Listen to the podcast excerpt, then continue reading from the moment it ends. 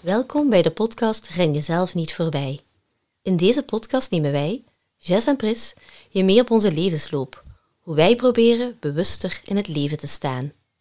Kom mee met ons en kom te weten hoe wij soms wel eens struikelen. Misschien best wel vaak, maar wel recht krabbelen.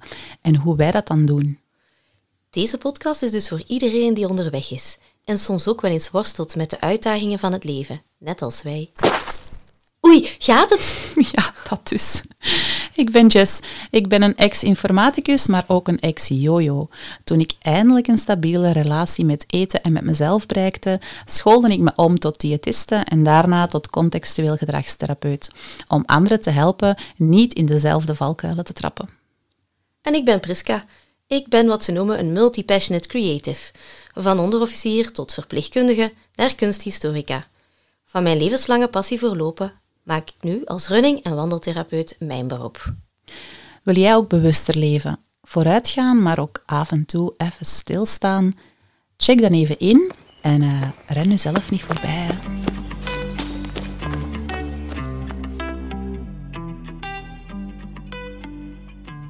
Hey Priska. Goedemorgen Jessica. Aflevering 3 alweer. Ja, gaat best wel hard hè? Ja, we zijn zo'n beetje lean, mean podcasting machines aan het worden. We zijn een beetje uh, veel afleveringen na elkaar aan het opnemen, omdat we dat heel fijn vonden om uh, meteen, als we live gingen, al drie afleveringen te hebben klaarstaan. Ja, dat is heel fijn voor de luisteraar. En we merken toch dat we een beetje gerodeerd geraken? Ja, klopt. Begint vlotter te gaan, hè? Ja, fijn is dat. Dus hier zitten we weer in ons podcastkot. Met podcast koffie. Ja, en waarover gaan wij het vandaag hebben? We gaan het vandaag hebben over de bucketlist. Oh, interessant. Maar ook wel over de fucketlist. Oh, uh, juffrouw, deze taal gebruiken wij hier niet. Misschien moeten we voor de zekerheid aanduiden dat het zo plus 18 is. Ah, ja, ja. en zo. Okay. Swearing en al. Geen violence, maar... Ja, inderdaad, de bucketlist. Voor de luisteraars die dat misschien niet kennen, de bucketlist.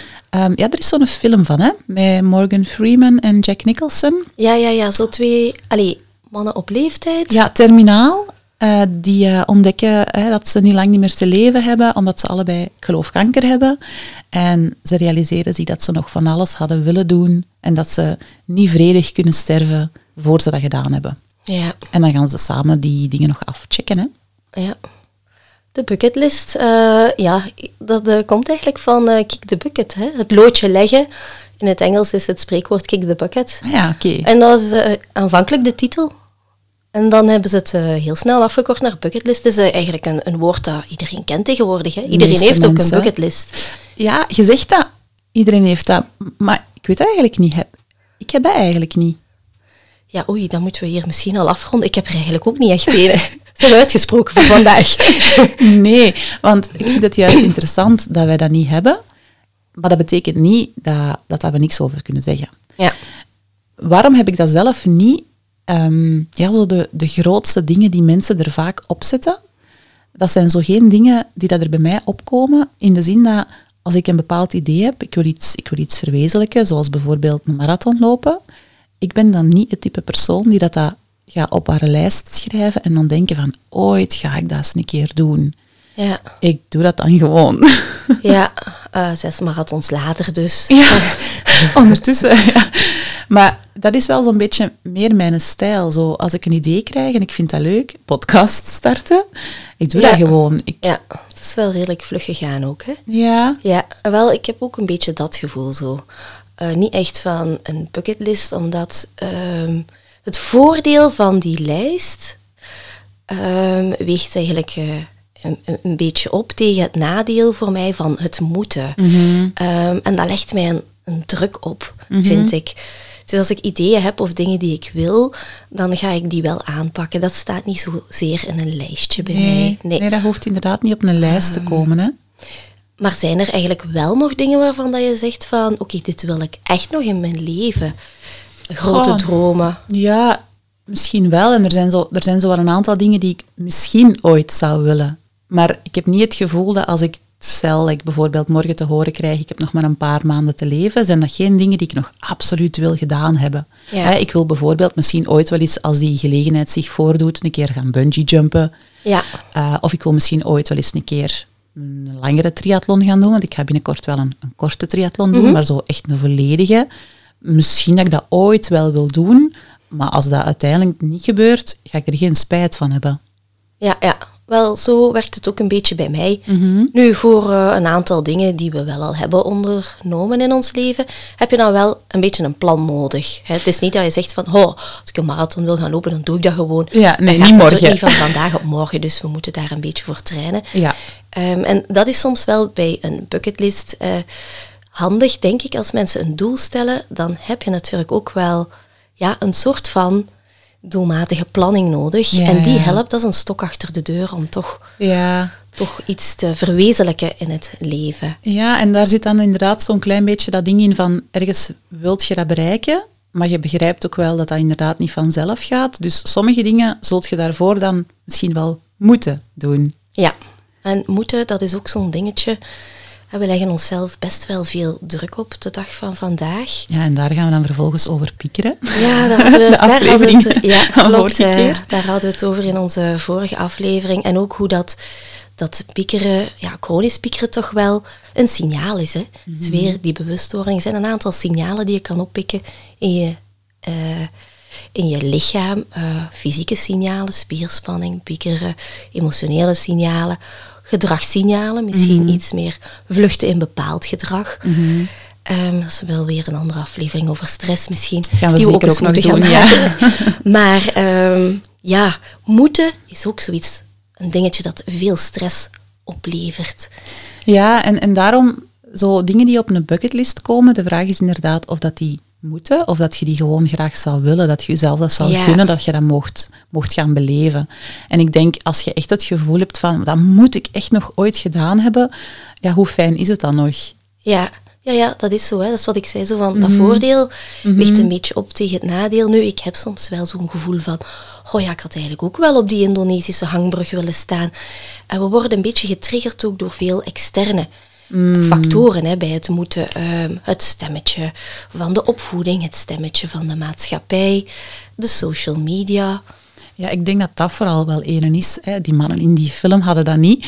Maar ik hoor dat toch inderdaad wel veel als ik, als ik cliënten hoor vertellen van ze hebben dan gezien op social media van een vriendin of een collega die is dat gaan doen en dat gaan doen. En Ja. dat, dat wekt dan zo'n beetje een ja, jaloezie niet meteen, maar zo wel het gevoel van een gemis. Ik zou Mhm. dat ook willen.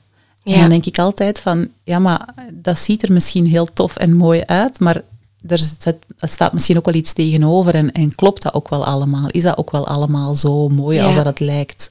Ja, ik denk eh, vooral bewust worden van het moment en van de dingen die je wel kan, eh, dat dat heel belangrijk is. Ehm, zonder dat je daarom op de Machu Picchu moet gaan staan. Wat natuurlijk ook wel heel mooi kan zijn, hè, daar de zonsopgang meemaken.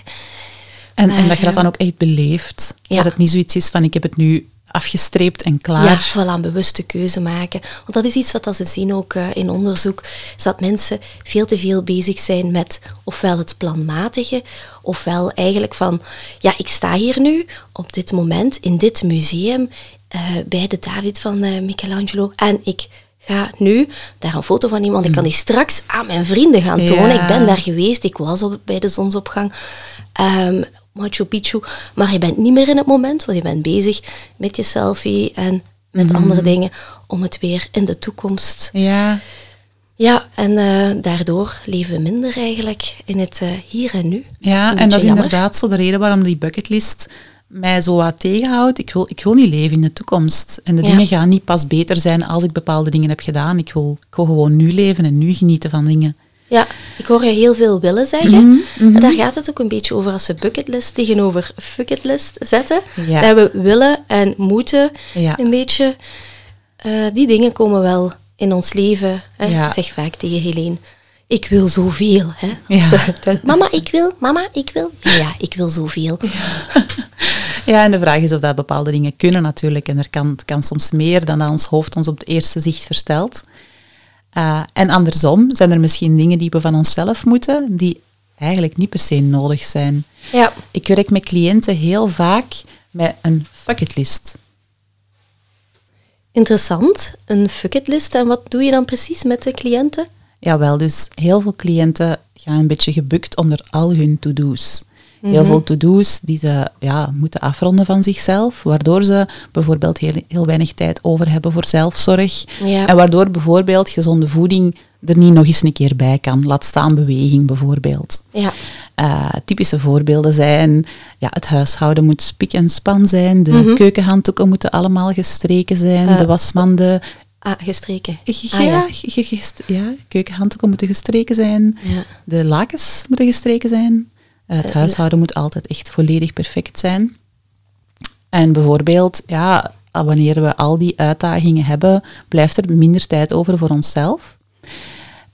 Ja, ik ben wel een beetje ondersteboven van lakens strijken.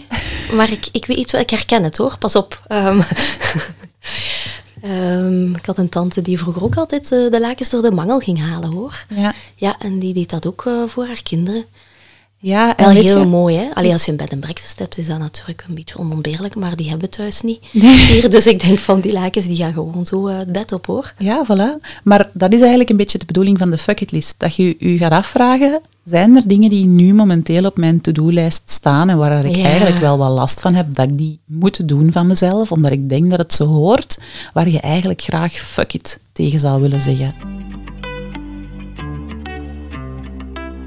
Het is wel heel fijn als je dat zou kunnen. En die to-do-lijst, dat is geen fysieke lijst, dat is eigenlijk meer een lijst die mensen in hun hoofd hebben. Ga je die dan ook allee, laten noteren, effectief, dat mensen dus voelen van, oké, dit doe ik allemaal, of dit is mijn Ja. to-do. Dat kan, hè. Sommige mensen doen dat inderdaad van zichzelf al, hebben inderdaad echt to-do-lijsten. Andere mensen hebben dat inderdaad in hun hoofd, wat dat ook voor heel veel stress zorgt, want ze moeten dat allemaal kunnen onthouden. Maar ik ga inderdaad wel graag werken met een fysieke fuck-it-list. Ah ja, oké. Misschien is het leuk als de luisteraars zo een template ervan kunnen downloaden. We gaan die misschien toevoegen. Ah ja, dat zou wel leuk zijn. Ja. Eh, de fuck-it list wordt echt een lijstje waar dat je heel bewust gaat opschrijven wat je niet hebt gedaan. Ja. Dus je zou geneigd geweest zijn om de lakens te strijken en je hebt beslist, fuck it, ik doe dat niet. En ik schrijf het op en ik ben er trots op dat ik dat Moeilijk, niet moeilijk, heb gedaan. moeilijk. Ja. Zeer moeilijk. Hè? In het begin gaat dat, gaat dat heel raar voelen, gaat je weerstand voelen, dat gaat oncomfortabel zijn, want je hebt allerlei redenen waarom je dat nu wel doet. Hè? Je hebt allerlei regels vaak in je hoofd, ja, dat is waar. dat dat hè. zo hoort. Wat gaan mensen wel niet denken als ze Ja. een keukenschuif opentrekken en ze ontdekken dat de keukenhanddoeken niet gestreken zijn? Ja, dat zijn die externe stemmetjes die je eigenlijk gaat internaliseren. Hè? Klopt, klopt. En ja, die willen we inderdaad een beetje in vraag gaan stellen. Is dat iets wat je zelf wilt, of is dat iets dat je doet omdat je tante dat deed, bijvoorbeeld? Ja, en je hebt nooit anders geweten. Ik moet wel iets bekennen, Jessica, nu dat we hier toch zo heel intiem zitten in ons podcastkot. Geeft mij zo'n beetje een gevoel van een eh, biechtkamer. Hè. Maar, maar eh, ja, ik heb ook wel ooit een to-do-list gehad, maar een hele, hele lange. En ik dacht, als ik dit nu heb, dan heb ik de tool in handen. Want ik schrijf daar gewoon alles op met de datum bij en de datum wanneer dat ik dat heb afgevinkt en een tussendatum eventueel voor een tussentijds doel. Ik word al moe als ik die het lijst- hoor. ja, die lijst die was echt heel veel pagina's lang, want er kwam alleen maar bij en bij en bij. Ja, was echt niet zo'n goed systeem. En dan ben ik overgeschakeld naar de tada-lijst in plaats van de to-do-lijst. En dat is dan heel leuk geworden, want dat zijn alle toffe dingetjes. Ook projectjes of activiteiten of de dingen die ik gewoon graag gedaan wou hebben voor de zaak of voor mezelf. En die gewoon eens gebeurd zijn. Heel Ja, leuk. Ja. Veel fijner. En af en toe grijp ik eens terug naar mijn tada-lijst. Dan Ja. denk ik, wow. Oké, dus je schrijft daar zo'n beetje je, je verwezenlijking op en zo. en leuke dingen die je hebt meegemaakt. Ja, ja. Dat is zo'n beetje een omgekeerde bucketlist dan. Mhm. Ehm, zoals die keer dat wij, ja, heel out of the blue, een rondje zijn gaan lopen en in de lokale vijver zijn beland. Niet per toeval, maar omdat we er zin in hadden om erin Ah, te het springen. zo Zo'n die mooi moment gewoon. Dan denk ik, ja, om dat even zo te herinneren en vast te houden. Want dat is het vaak, wel zo dingen een beetje, we houden graag vast aan dingen. Ja, ja. Maar ja, dat zijn inderdaad de leuke dingen. Maar Ja. dus ja, als we dan kijken naar onze fuck list, dat zijn dan de dingen die ons eigenlijk niet heel veel opleveren, Ja. die ons stress geven omdat we ze nog moeten doen. En die in eerste instantie, wanneer we besluiten van, dat zijn misschien wel dingen die we ja, kunnen laten, waar we fuck it tegen gaan zeggen, Ja. die, die wel een beetje ehm, ja, ongemak gaan oproepen. En dat laat ik soms cliënten ook wel bewust noteren. Zo van, welke gevoelens en welke gedachten verwacht je dat er nu gaan opkomen wanneer je besluit van het niet meer te doen? Ja. Dat ze daar ook wel een beetje op voorbereid zijn. En dat ze eigenlijk een soort van ja, een manifesto maken van ik ben bereid om die dingen te hebben Ja. in functie van fuck it kunnen zeggen en daardoor meer tijd vrij te maken om misschien wel leuke dingen te doen die dan op de tada-list kunnen komen Ah, ja, te staan. ja. En ja, het, het regeltje dat ik ook wel, of het trucje dat ik hen eh, leer om te helpen bepalen van wat zijn bijvoorbeeld dingen die we daar Mhm. Dan kunnen opzetten. Eh, dat is eigenlijk iets dat we kennen uit het time management. Je- het trucje, het is het zinnetje, moet ik dit nu doen? Ja. En eigenlijk gaat je bij, bij elk woordje dat in vraag stellen. Ehm, dus bijvoorbeeld, moet ik dit nu doen? Kunt je jezelf afvragen van, is het inderdaad iets dat moet? Zo ja, van wie moet dat eigenlijk? Moet dat ook van jezelf of moet dat van iemand anders? Ehm, of is het eigenlijk misschien inderdaad eerder een willen? En dan, ja, dan doe je het waarschijnlijk, hè, als je het echt wilt doen. Ja. Maar ik, ik vraag me soms ook af, is het mogen? Want cliënten zeggen soms bijvoorbeeld, ja, ik moet nog gaan eten. Ik moet nog naar vrienden. En dan denk ik, maar Je moet mag, dat? ja. Ja, je, je, je mocht daar naartoe gaan eigenlijk. Ja. Hè? Is dat dan, voelt dat dan als een verplichting? Ja, ja we, we- we gebruiken het woord eigenlijk best wel vaak, moeten. Mhm. En taal is niet zo banaal. Hè? Taal geeft ook eh, allee, ja, een signaal natuurlijk Ja, aan de klopt. hersenen. Dus als je inderdaad eh, begint te merken bij jezelf van, Ja. dat woordje moeten, ik gebruik dat toch echt wel best Mhm. vaak. Ja, is dat wel een goede om je vraag te gaan stellen? Mhm. Is het inderdaad moeten? Is het eerder mogen? Is het eigenlijk willen? Ja, welk is het eigenlijk? En dan heb je het volgende woordje in de zin. Moet ik Ik, ja. dit nu doen? Ja, is het inderdaad iets dat je zelf moet doen? Kunt je er hulp voor vragen? Kunt je het uitbesteden bijvoorbeeld? Eh, ik heb al heel veel cliënten die op voorhand zo het gevoel hadden van ja, mijn huishouden, dat moet ik zelf doen, want het moet picobello zijn. En dan toch op een bepaald moment besluiten van een huishoudhulp in te schakelen. En dan zo blij zijn dat ze dat gedaan hebben. ja. Dat ze dat niet meer zelf moeten doen. En in het begin is dat soms een drempel, want je moet Ja. inderdaad iemand in je huis laten. En misschien doet hij het niet helemaal zoals je het zelf zou doen. Maar je koopt eigenlijk tijd waar je van alles anders mee kunt doen. En ja, dat geeft toch wel eh, een serieuze druk minder. ja. Hè, dus moet ik dit nu doen?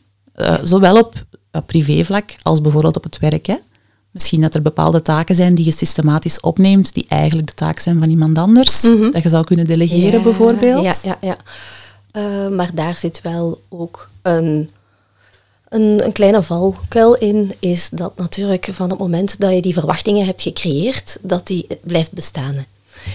Ehm, daar zien we heel vaak zo. Ja. eh, als mensen die zeer actief eh, of proactief werken en die een hele hoge productiviteit hebben, dat is een beetje de efficiëntieval. Hè? Hoe efficiënter dat je gaat werken, ja, hoe meer dat eigenlijk alles meegroeit met Ja. die efficiëntie. Dat is de efficiëntieval. Ja, ja. Dus- dan trekt je werk naar Ja, je toe ja. eigenlijk. Werk trekt werk aan. Ja, ja, ja. Eh, maar het is heel goed om dan jezelf eigenlijk in vraag te stellen, ja. Mhm. Want het is een zodanig logisch gegeven geworden van, ja, die zal zal, het wel doen, doen, ja. of ik zal het wel doen, Ja. dat, eh, dat je dat op den duur niet meer in vraag gaat stellen. Hè? Ja. Dus moet ik dit nu doen? Ja, dit gaat Mhm. inderdaad over van, over wat gaat het eigenlijk? Is het inderdaad dit dat je moet doen? Of kun je ook iets anders in de plaats gaan doen? Ik ben eventjes aan een voorbeeld aan denken. Ik kan er niet meteen op eentje komen. Ehm, bijvoorbeeld, ja, ik had onlangs eh, een, een keuze die ik misschien moest maken van twee activiteiten die elkaar nogal nauw opvolgden en die weinig met elkaar te maken hadden en die ook vestimentaire problemen veroorzaakten. Het is te zeggen, het was eerst een training en daarna een opening. Dus ik moest dan tussenin ergens in de wagen bij gaan omkleden en zo. Eh, allemaal praktische dingen. Maar ik heb heel bewust dit, moet ik dit nu doen? Gedacht van, ja, ik kan de training, ik heb wel een collega die kan overnemen. En ik moest eigenlijk niet naar dat event gaan. Maar ik heb er wel heel bewust voor gekozen om ze allebei wel te doen en mij verder niet te veel aan te trekken van de, van de kledij of van of ik nu gewassen was, gewassen was of niet. Niemand heeft er iets van gemerkt. Ehm, maar dat is heel fijn en aangenaam verlopen, omdat ik het gevoel had, dit is mijn keuze wel. Ja, het is bewust. Ja, en ik was ook helemaal in die momentjes. Ik heb genoten van zowel van de training Ja. als van het moment daar te zijn op die opening. Ja. Ehm, Ja, dan is het inderdaad een bewuste keuze. Hè? Ja. Ja. het volgende woordje in de zin is nu. Hè? Moet ik dit nu, doen? Moet het nu of kan het wachten? Ja, dat is wel een, een dingetje, denk ik. Ehm, we zijn allebei een beetje van de vooruitgang en van de actie. Mhm, Ja, En merk je daar soms voor jezelf van, ik ga toch kiezen om iets uit te stellen als... Goh. Ja. Ja, ik denk dat dat er een beetje van afhangt. Hè. Als het iets is wat ik echt wil doen, dan ben ik inderdaad geneigd om het nu te doen. Want hè, ik heb dat ooit al wel eens gezegd, ik heb niet altijd evenveel geduld. Ja. Als het gaat over dingen die ik eigenlijk niet zo leuk vind, maar die effectief wel zouden moeten gebeuren, dan ben ik wel een uitsteller. Ja, en eh, daaraan gekoppeld nu, het gaat altijd over activiteiten en dingen doen, maar nu is er soms ook rust nodig. Dat is Ja. een andere podcast natuurlijk, maar dat is een belangrijk gegeven. Hè? Ja, maar die, die afweging maken inderdaad. Hè, Ja. moet het inderdaad nu of kan het nog even wachten? En in het geval van het huishouden bijvoorbeeld, eh, hoor ik regelmatig terug van cliënten als ze aan de slag zijn gegaan met die fuckitlist en met dat, dat zinnetje, dat ze bijvoorbeeld gemerkt hebben van, ja, normaal gezien zou ik nu bepaalde dingen in mijn huishouden hebben gedaan, maar het was zo'n mooie dag en mijn kinderen wouden zo graag een ijsje gaan eten. We hebben er toch voor gekozen om de ijsje te gaan eten. We zijn met de fiets naar daar gegaan. Het was echt een hele fijne namiddag. Ja, en de huishouden, dat komt dan later wel. Ja, En dan, het grappige is door het feit dat het later is en dat er op het later moment misschien ook minder tijd voor is, worden mensen vanzelf wat efficiënter, laten ze Ja. overbodige dingen binnen dat huishouden misschien wel vallen Ja. en heb je eigenlijk twee vliegen in één klap. ja. Oké, wel heel interessante gedachte dat je door voor iets wel te kiezen, dan ehm, een soort van efficiëntie creëert voor later, waarvan dat je nog niet helemaal bewust bent. Ja, ja. klopt. Ja, en dan het laatste is doen. Hè. Ja, Moet het inderdaad gebeurt, gebeuren? Ja. Moet je het doen? Misschien kan het ook gewoon gebeuren dat je het niet doet. Ja. Dat ja als je lang genoeg wacht, gaat alles vanzelf voorbij. Ook. Dat, dat hebben we hier wel eens voor gehad. En dat is heel grappig. Hè? We zijn allemaal verschillende mensen en we werken op een verschillende manier. Ik ben soms een beetje meer van de voorzienigheid en iets meer te plannen dan, dan manlief. En we zijn de verschillende dingen al tegengekomen dat ik het had overgepland, maar dat uiteindelijk, ja, het niet is gebeurd. Gewoon. En hij zei, had je nu gedaan zoals ik, gewoon gewacht, ja, dan, dan was er niks gebeurd. Ja, ja Want- sommige problemen lossen Ja. zichzelf op. Ja. Nee, moet ik dit nu doen? En dat is een heel interessant hulpmiddel, een mooi zinnetje, heel gemakkelijk.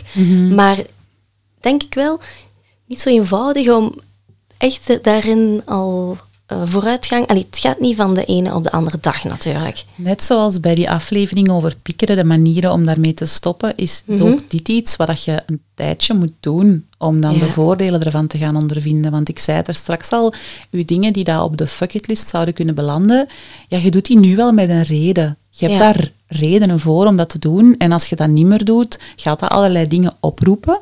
En in het begin is dat waarschijnlijk moeilijk. En het is als je altijd blijft meegaan in die redenen dat je niet zult veranderen. Maar als je bijvoorbeeld inderdaad stopt met je keukenhanddoeken te strijken, sorry voor de luisteraars die dat systematisch wel doen en die zich elke keer aangesproken voelen. maar als je inderdaad merkt van ik doe dat niet meer en de wereld draait door, Ja. en er gebeurt niks. Ze Ja. drogen even goed af. En uw man bekijkt u niet vies. Eh, misschien gaat je dan inderdaad wel realiseren na verloop van tijd, ik hoef het echt niet meer te doen. Ja. En wordt dat een nieuwe norm? Ja, we hebben het nu vaak over taakjes gehad. eh, Dingen die gewoon in, aan de praktische kant van het leven zitten. Maar ik denk, moet ik dit nu doen, gaat ook vaak over mentale dingen. Bijvoorbeeld, ehm, hoe ga je om met complimentjes in het leven? Of, eh, ja, stop nu eens met sorry te zeggen. Hoeveel mensen zeggen elke dag honderd keer sorry, Ja, ja, ja. sorry. Of verantwoorden zich zo vaak voor dingen. Die dingen denk ik ook wel dat interessant zijn om, moet ik dit nu doen? Als je Ja, bij jezelf opmerkt van, ja, ik ben alweer aan het verantwoorden Mhm. voor iets, of ik ben alweer sorry aan het zeggen, of mijn, mijn complimentje dat ik net kreeg, ben ik aan het neerhalen. Zeg gewoon dank u wel. Ja, oh, dat is heel fijn. Waarom is dat nodig? Ja, Ja, en dat is iets, eh, ja, fijn om, om te weten van jezelf, maar je moet je er bewust weer van worden. Hè. En vaak zijn het de anderen die je dan eventjes erop wijzen. Van, maar als ik jou een complimentje geef, dan haal je dat altijd een beetje neer. Ja, maar veel dingen zijn gewoontes. Hè? En misschien moeten we ook wel eens een keer een aparte podcastaflevering maken over gewoontes. Maar het is wel interessant gewoon dat je erover nadenkt dat je ja, bepaalde banen in de hersenen die, die instaan voor gewoontegedrag, Ja. dat je altijd zo doet, Ja. dat die heel snel gaan. Hè? Dat gaat Ja. supersnel. Dat zijn hele brede, toegankelijke paden in je brein. Zalig. Ja, Die werken. ja, die werken. En daarom doe je het ook gewoon zonder erover na te denken. En als je iets nieuw wilt doen, iets, iets wilt veranderen, Moet je door die jungle weren. ja, moet je met je kapmes lianen weghakken. Oh jee, ik zie het zo voor mij. En als je regelmatig dat nieuw pad neemt, Ja, wordt dat op een het. duur ook Ja. wel een goed begaanbaar pad, waar er geen Ja. wortels meer overgroeien en waar er ook geen spinnen meer zijn of slangen. Oké, zo werkt het dus in ons brein. Ja, en dan kan dat ander oud pad misschien zelfs wat terug dichtgroeien. Ja, dus eigenlijk willen we ons gewoon echt gaan afvragen, wat willen we wel doen, wat willen we niet Mhm. meer doen, want we hebben nu eenmaal beperkte tijd en energie in ons leven. Ja, inderdaad, dat is zo. Hè. Tijd en energie, dat is een beetje ons hoogste goed. Ik had het daar straks over die efficiency val. Ik heb dat gelezen in een boek eh, 4000 weken. Dat is een boek van Oliver Perkman. 4000 weken, dat is onze tijd op aarde. Best wel weinig als je dat zo in Als je weken... het zo zegt wel, ja. Ja, en je kan het zelfs visualiseren. 4000 bolletjes maken op één A4-blad. Die passen. Dat klinkt echt als weinig, maar oké, waar gaat het boek dan over? Wel, het is een beetje een ander boek dan alle productiviteitsboeken.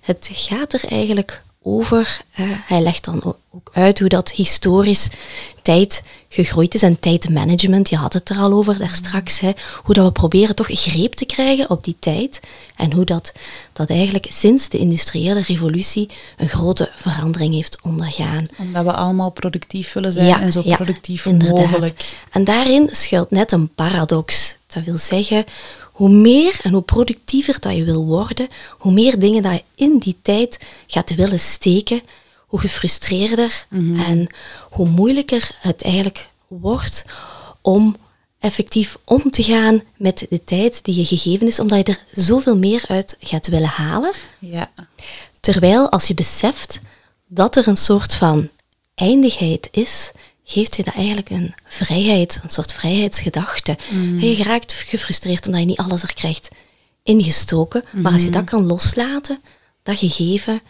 ja, dan kan je eigenlijk een vrij persoon zijn.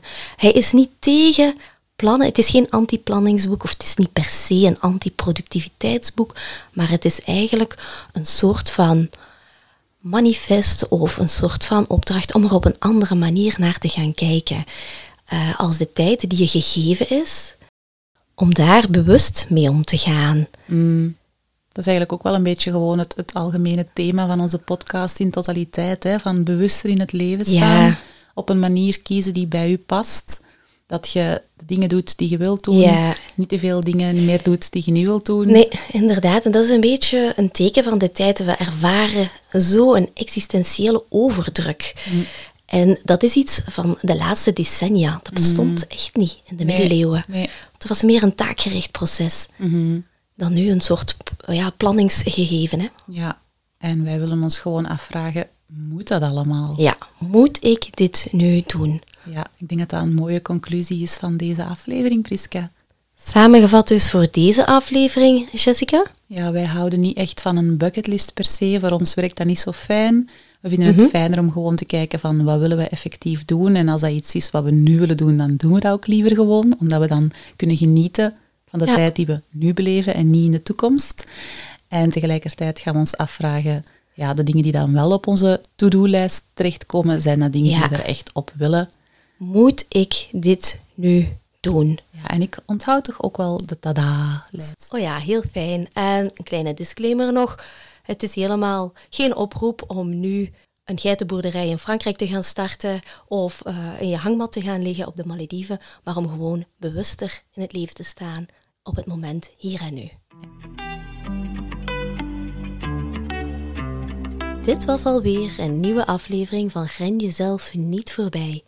Je zou er ons zot veel plezier mee doen als je onze podcast zou willen delen op social media. Of we vinden het natuurlijk ook super als je een review zou willen achterlaten. Op onze website kan je zien hoe dat je dat doet. Is er een onderwerp waarvan jij vindt dat het aan bod moet komen? Laat het ons weten via inchecken at renjezelfnietvoorbij.be. En uh, ondertussen, ren jezelf niet voorbij. Hè.